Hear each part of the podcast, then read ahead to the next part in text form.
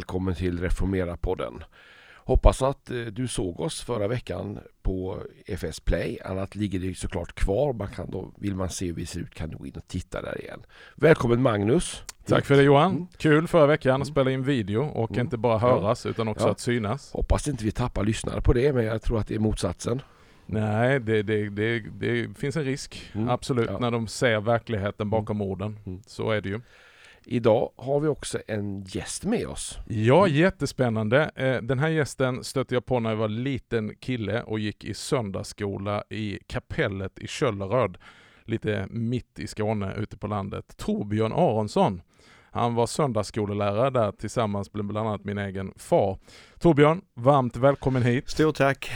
Du är docent i kyrkohistoria. Ja, det stämmer det. Och forskar just nu på migrantkyrkor ja. och deras tillväxt i Sverige. Ja. Och du har också, du är ska jag säga verksam och undervisar på ALT ja. och Skandinaviska teologiska högskolan här ja, i Uppsala. det stämmer. Du har också varit eh, flitig skribent i många olika sammanhang. Jag kommer ihåg en bok som jag som nyomvänd sen 18-åring fick i mina händer, Guds eld över Sverige. Ja som är, vad ska vi säga det, en, en översikt av modern veckoshistoria. Ja, det stämmer det. Och hur Gud har, har rört sig i vårt land. Jättekul att ha dig här Torbjörn. Ja, tack så mycket. Vi tänkte vi skulle tala med dig om just detta som vi har rört vid Johan, eh, med ytterligheterna som finns i Kristi kropp. Och var för sig verkar de ju aldrig lyckas. Den institutionella kyrkan med sina ordningar och sin hierarki som gärna tappar bort sig och eh, förvanskar och förvränger evangeliet och blir någon sorts eh, statsförvaltning. Och sen så har du väckelserörelserna som eh, har liv och kraft och eld men ibland brinner upp och förkolnar. Ja, om detta ska vi återkomma.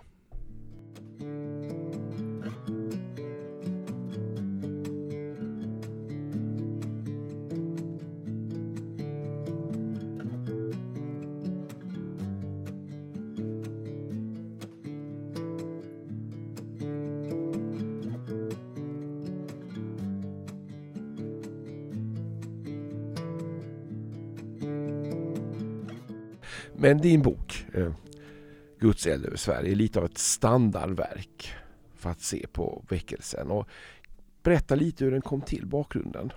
Alltså jag, I mitten av 80-talet så, eh, så träffade jag på personer som hade haft någon anknytning till Maranataväckelsen på, på 60 och 70-talet. Jag var uppvuxen i pingströrelsen. Eh, men jag upptäckte att, att det fanns på något vis en ström, en, eh, en, en väckelse ström på något vis som jag inte hade kommit i kontakt med tidigare. Eh, men som var väldigt dynamisk då. Eh, och jag mötte predikanter som hade varit formade av det. Så att det gjorde mig intresserad och eh, sen så var jag med när Livets Ord började växa fram och, och min fru blev frälst i mitten på 80-talet, vi gifte oss 88 hon gick bibelskola här i Uppsala 85 till 86 så att vi kom snabbt in i det som har med Livets Ord och trosundervisning och den rörelse som var på 80-talet. Så att jag tyckte det var väldigt fascinerande att se det att det hade kommit olika typer av, av eh, då, eh, pingstkarismatiska strömningar i Sverige som var lite olika men, men som fanns här lite parallellt och, eller i lite olika sekvenser och så vidare. Så att jag tyckte det var spännande och jag tyckte det var väldigt tragiskt då att det var som splittring så att säga, att man fördömde varandra hit och dit och sådär. Så en, en, en, eh, sak som jag var intresserad av det var dels försvara Livets Ord och eh, trosväckelsen men också på något vis försöka bidra till att liksom de här strömmarna skulle kunna komma närmare varandra då. Mm. Och nu rör det ju vi någonting som vi gärna talar om i den här podden. Vi, vi, säger det, vi kallar det för helkyrklighet men hjärtat bakom det, det är ju inte att ställa saker mot varandra och tänka antingen eller. I min vandring genom kristenheten som, som delvis tangerar din, så, så har man liksom hittat skatter och rikedomar på olika sätt. Men också när man liksom tar ett steg tillbaka så ser man, åh, det här skulle behövt varandra och format ett vackert äktenskap. Som kyrkohistoriker, eh, Torbjörn, kan du se detta genom kyrkans historia? Eh, har det varit nästan typiskt för kyrkan att man har splittrats och man har åtskilt den här mer institutionella kyrkan med sina former och sina hierarkier och sen har det blivit dynamiska andliga rörelser som alltid har liksom hittat sin väg utanför Det finns kyrkan. väldigt olika, eh, kyrkohistorien upprepar sig aldrig eh, i princip utan det är hela tiden nya scenarier så att det finns exempel på väckelserörelser som förnyelserörelser som har börjat underifrån och sen tagit över kyrkan. Mm. Eh, men styrt och ställt på ett sätt som inte allt, allt har varit särskilt bra. Eh, så att ibland kan en rörelse vara eh, eh, väldigt dynamisk och förnyande men när den får en, ställning av makt och dominans så plötsligt så fungerar den på ett annat sätt. Och det finns som du säger, det finns exempel där, där väckelserörelser har stötts bort. Där man har förföljt väckelsen istället för att ta emot den och där väckelsen inte har haft kraft själv liksom att, att börja arbeta sig uppåt i hierarkier och försöka vinna inflytande och, och då har det skapats väldigt problematiska situationer. Man får tänka här, har du någon sån här best case scenario? Där det gått rätt på alla sätt och vis. Ja, jag tror att det finns nog eh, eh, best case scenarios men det finns inga fullkomliga väckelser eller kyrkor eh, någonstans. Eh, och eh, det som är lättast att jämföra här i Norden det är ju de nordiska länderna. Eh, och här är det ganska olika eh, tendenser. Så att det är något som man skulle kunna göra och se hur i några av länderna så har den eh, har folkkyrkan, den institutionella kyrkan, eh, var beredd att acceptera väckelsen eh, och, och låta den få utrymme medan i andra så har man stängt ute den eller tryckt ner den, varit väldigt negativ till den.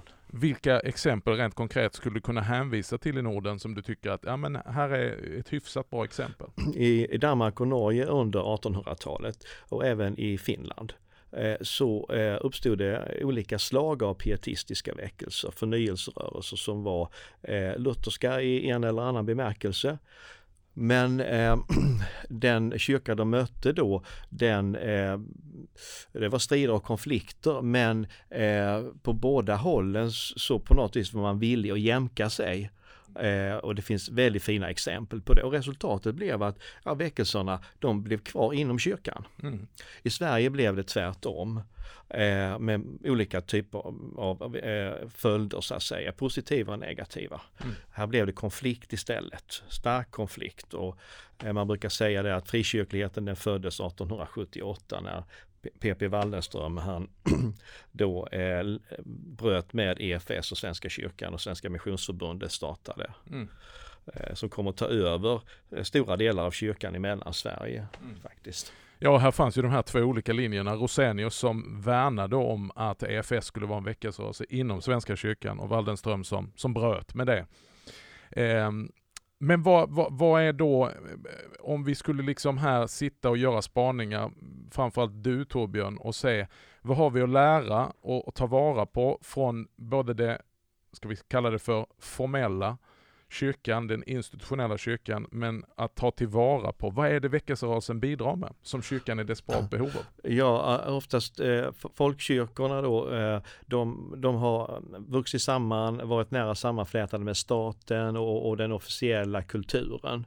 Eh, och eh, offentliga utbildningssystemet eh, och eh, det har lett fram till att man har haft många pastorer eller präster som inte själva egentligen haft någon djupare personlig tro. Det var ett karriäryrke eh, och, och ehm, allt som hänger samman med det. Man får en ytlig kristen tro. Människor som förkunnar utan att förkunna evangeliet och utan att själva egentligen ha berörts av det.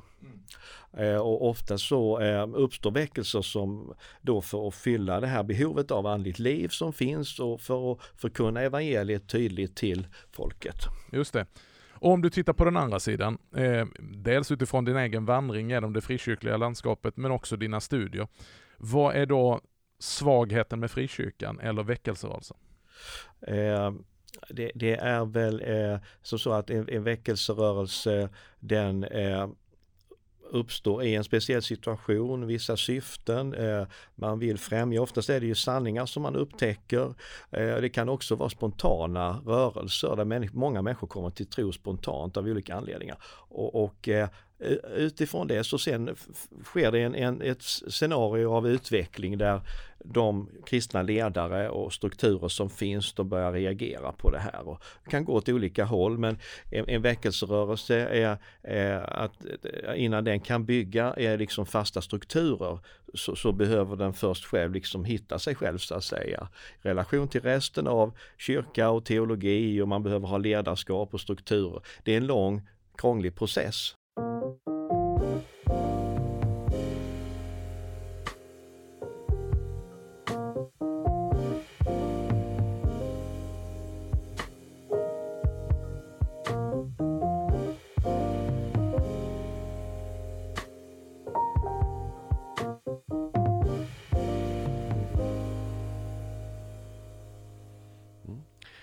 Men det här är spännande, men då tänker jag, då beskriver du en mognadsprocess hos väckelsen. Men faran då att ställa sig utanför strukturen, att om man inte, det finns ju ett hjul som snurrar om man säger så, ska man uppfinna ett eget hjul? Uppstår inte ett problem här och en motsättning? Jo, alltså ofta så, så snurrar inte hjulet och det är därför den nya rörelsen uppstår så att säga. Att, att det är djupa förfallssymptom oftast när man har kyrkliga ledare. Eh, det finns ju bibliska exempel på det och, och eh, det finns historiska exempel i vårt eget land på det eh, och dåpliga exempel på biskopar och kyrkliga ledare som har varit totalt föraktfulla mot de andliga strömningar som egentligen är det som kan befrukta kyrkan och göra så att den börjar leva på allvar. Så att kyrkan behöver det här livet då för att strukturerna ska, ska få någon mening.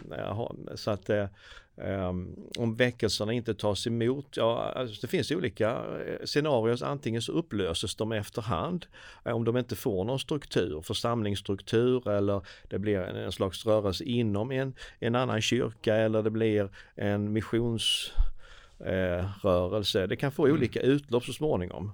I Eller den, kan det dö. Va? I den svenska pingströrelsen så har vi ju Levi Petrus som var en fantastisk pionjär och, och är med och tar initiativet till detta och blir någon sorts front, eh, väldigt tydlig frontfigur som det än idag hänvisas till. Men, men Levi Petrus hade ju också jag vet inte om vi ska kalla det förakt, men han vägrade ju forma formella strukturer. Och istället så blev det då en väldigt stark informell struktur som ibland, eh, ibland kan bli värre än den formella strukturen eftersom det är väldigt abstrakt att förhålla sig till. Och man fryser ut, sen när man då själv blir föremål för andra rörelser, vi var inne på Maranata och vi ska försöka landa där, så har man inga formella verktyg att använda sig av. Eller det finns liksom ingen, eh, håll på att säga, rättssäkerhet eller regler att följa, utan det blir att man sätter dem i kylrummet, man, man fryser ut och så vidare. Vad, vad, vad har du sen? Jo, och eh, eh, som sagt eh, problemet, ett stort problem, det är när en väckelserörelse säger, blir ganska stor, stark, mäktig. En, en liten väckelserörelse som är svag och svaga strukturer, den, den utvecklar eh, sällan det här mönstret utan det är när väckelsen blir stor och stark. Eh, för att oftast så följer med det högmod, att man tycker vi har det, mm. vi ska ta över. Eh, det finns eh, många exempel i mm. pingströrelsen på det. Svenska Missionsförbundet tänkte sig att man skulle ta över Svenska kyrkan. Eh, och så vidare. Så väckelserörelsen när den blir stor, då finns högmode som ligger på lur. Va? Man tycker man har strukturerna, man har livet. Okej, okay. Eh, men eh, så ofta så fungerar det inte så utan det här pulserande livet och, nya situationer gör att man måste vara beroende av den heliga ande. Är man inte det så hamnar man snart i en situation eh, där det är andras andra rörelser som växer fram och då hamnar man snart i samma situation som man själv var tidigare. Mm. Och då tänker jag det informella, för att problemet med det informella är att det är väldigt svårt att påverka det. I informell struktur finns det verktyg och regler. För att hantera, om det är svårt och dåliga ledare så kommer de att bytas ut om det följer en viss ordning. Men i en informell struktur kan det landa, tänker jag, var som helst. Jag, jag, tror, jag tror inte det. Va? Jag tror det, det problemet med, eh, oftast problemet när det är informella strukturer och det inte blir en större rörelse, eh, det är att det blir svagt och, och det faller samman. Eh, det blir inget av det. Så att säga, inget, inget mer långsiktigt men eh, när, när man har, har man eh, starka strukturer eh, eh, men inget liv så blir eh, splittring eh, kan, kan ofta bli en, en sån följd av det att man, man förföljer väckelserörelsen och sen splittras man själv också. Eh, så att alltså det, det, finns inga enkla, det finns inga enkla modeller när man tittar på kyrkohistorien egentligen utan varje situation är ganska, är ganska unik och, och det är, eh, och traditioner kan vara negativa. I Sverige så, så har vi haft en, från 1600-1700-talet en, en tanke om att Svenska kyrkan hade speciellt ansvar för den lutherska rena läran. Den lutherska ortodoxin var starkare i Sverige än i våra grannländer. Den var starkare även än i vissa delar av norra Tyskland. Och det gjorde att man var väldigt ovillig att förändras. Att när pietistisk väckelse kom så ville man inte ta emot, man såg det som ett hot, man tryckte ner det. Mm. Eh, och det där, den attityden den har förts vidare oavsett vilken teologi det har varit. Så att idag kan man möta liknande attityder men med annat innehåll i Svenska kyrkan idag. Mm. Ja, det, det här du är inne på, att det, det, ser ut som att vi upprepar själva det vi en gång var emot. Att förnyelserörelsen, som upplever sig illa behandlad och oförstådd av de som har makten, då växer förnyelserörelsen fram, blir stor och så helt plötsligt tappar man också lite av andens liv. Vi kan titta på pingströrelsen, som var kanske en av de som förföljde både Maranata, Eh, men också inte minst det du nämnde, trosrörelsen, eh, var ju den som var eh, väldigt starkt emot det här och ville inte öppna detta. Precis, jag tror så att det är, här finns olika typer av, alltså naturligtvis är det så här att, att i informella strukturer, det, det kan leda, leda lett fram till informell makt, maktutövning som inte är transparent. Man har svårt att ställa människor till ansvar för de utövar makten. Och då är det svårt att, att, att, att kräva ut så att säga. Nej, och det blir ju också ofta så att du förhåller dig till personen, den smorde, ja, den av Herren utvalde, istället Precis. för att förhålla dig till ordet och förhålla ja. dig till läran eller ja. ha en bekännelse. Precis. Vi ska dyka vidare i detta om ett tag.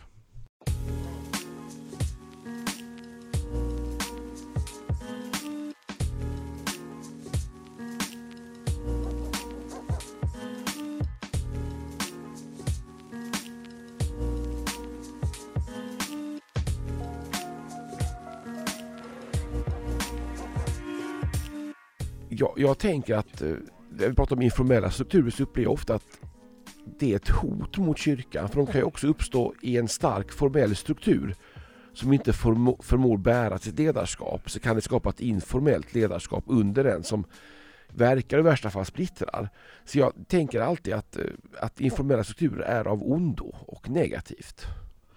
Ja, alltså, det är en bra fråga. Eh, alltså oftast så finns det inga, inga, det finns inga självklara svar när man tittar på historien. Eh, utan det går att hitta exempel eh, där informella strukturer har varit välsignade och bra men också där de inte alls har varit bra. Så att det, det, man kan inte dra några generella slutsatser av historien egentligen.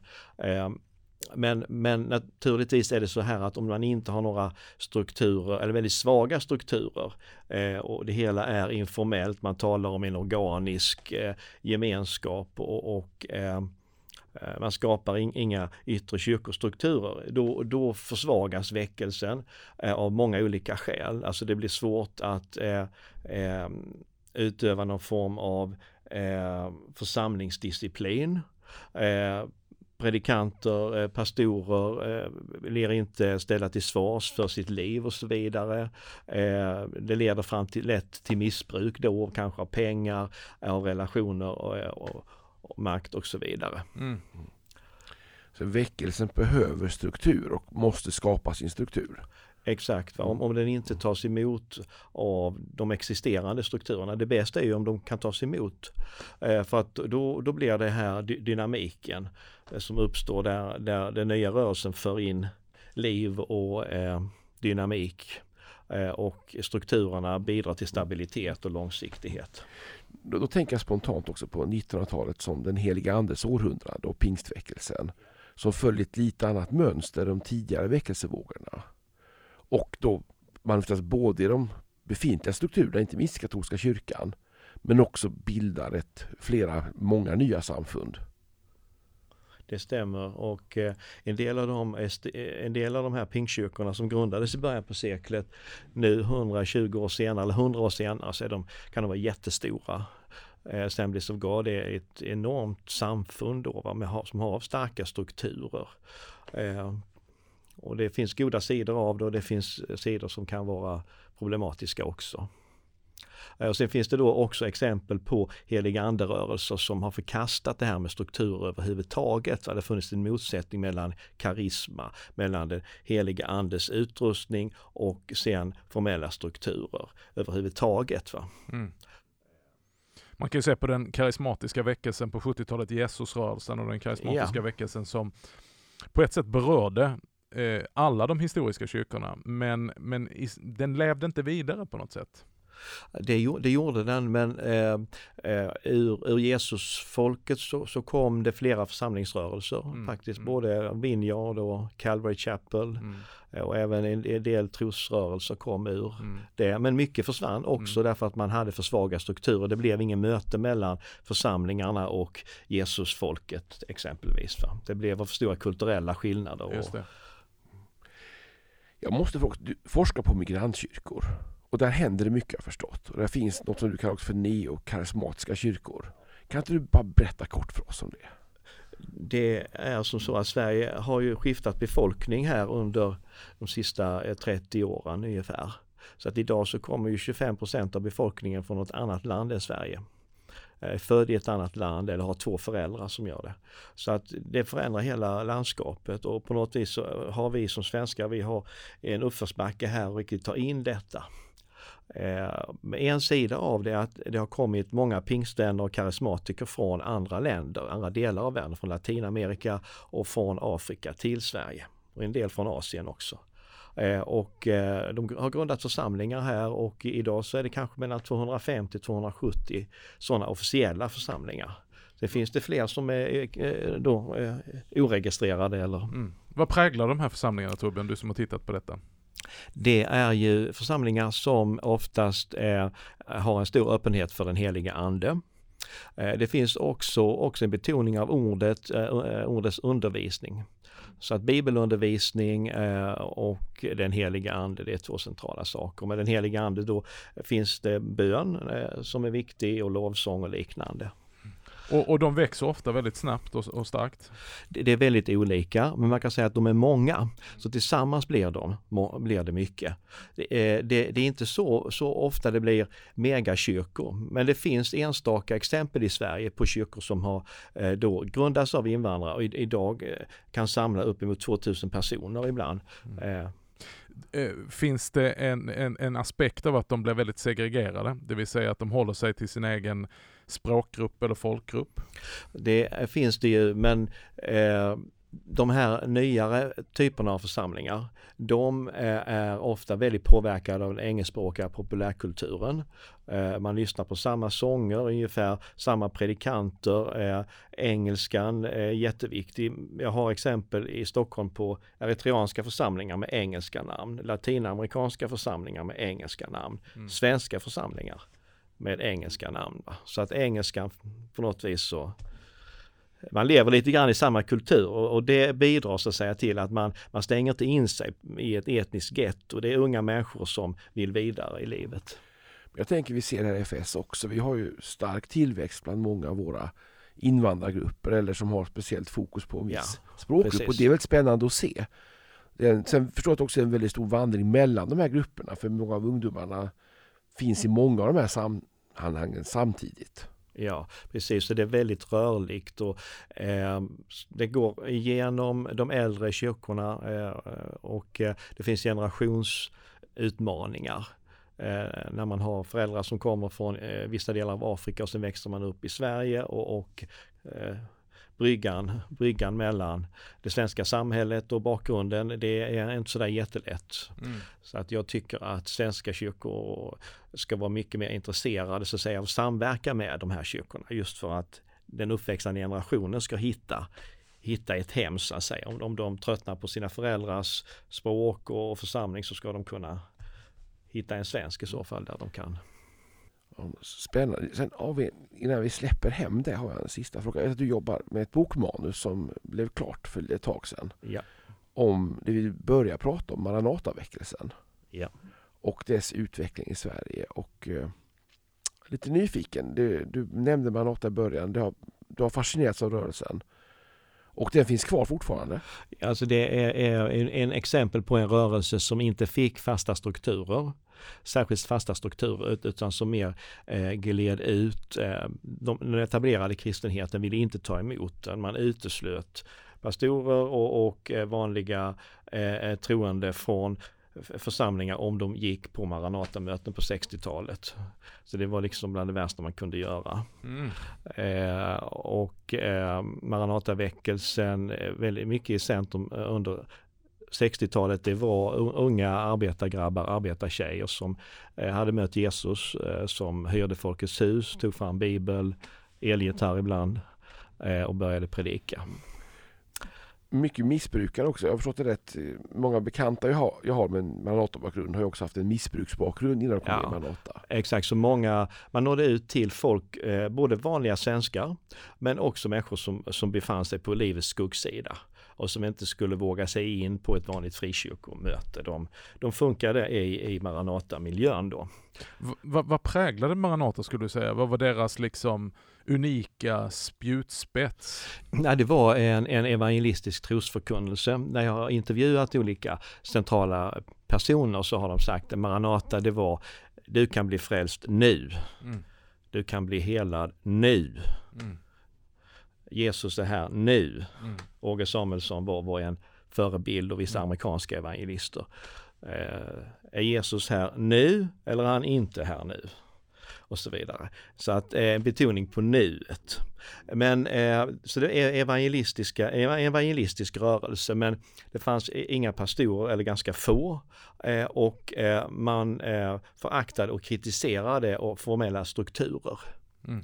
Eh, och då, de strukturer som man hade bakom sig, det var folkrörelse-Sverige eh, med föreningsliv, årsmöten, protokoll, eh, strider mellan olika fraktioner och så vidare. Det ville man bort ifrån. Och, och då blev man väldigt, för andra ordet, anarkistiska. Ja. Precis, det fanns sådana strömningar då, vad jag skulle kunna ge alla möjliga exempel på det.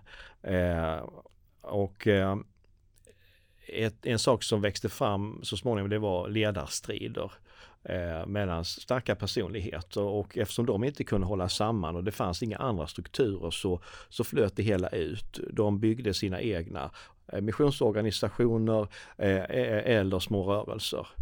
Eh, och, och, resultatet var att det här initiativet då försvagades och blev någonting annat än vad jag tror Gud hade tänkt att det skulle bli. Spännande. Och det här har du skrivit om? Ja. Du Torbjörn, vi ska avsluta. Vi är på övertid. Eh, jag tänkte avsluta med en fråga. Eh, om du tar begreppet helkyrklighet utifrån ditt perspektiv och säger vad är din drömvision? Vad ser du utifrån att det här behöver kyrkan från de olika källorna, från de olika traditionerna? Att det som är det stora behovet idag generellt det är ju det här kunskapen om den kristna tron. Att, att när Maranata uppstod på 60-talet då var 99 eh, konfirmerade, hade haft kristendomsundervisning i skolan. Man, man kände till grunderna i den kristna tron men man levde inte i den, praktiserade den inte och så vidare. Mm. Idag ser vi en situation där, där är, eh, det är färre och färre som eh, konfirmeras, färre och färre som vet någonting överhuvudtaget om den kristna tron. Eh, så då, då, är vi i en missionssituation. Mm. Eh, så att jag tror på, på bibelskolor är jätteviktigt, kristna skolor. Båda de här sakerna är viktiga för att bygga upp kunskapen om tron mm. och träna troende då att kunna ta ansvar i en ny tid där man inte kan förlita sig så mycket på det förflutna eller mm. eh, och sen så måste det till väckelse. Det måste till människor som är helöverlåtna, som är villiga att, att ge sina liv för Herren, för att sprida evangeliet och, och så vidare. Så att eh, och evangelisationen behöver finnas med i den här väckelseandan. Då. Så att, eh, vad jag hoppas egentligen med den här Maranata-boken är att den ska kunna inspirera till sådana saker. Mm. Mm. Mm, Men också EFS vision att se människor och samhälle förvandlade av Jesus Kristus. Ja, absolut. Det, det är vi längtar efter. Amen. Stort tack Torbjörn för att du gästade oss.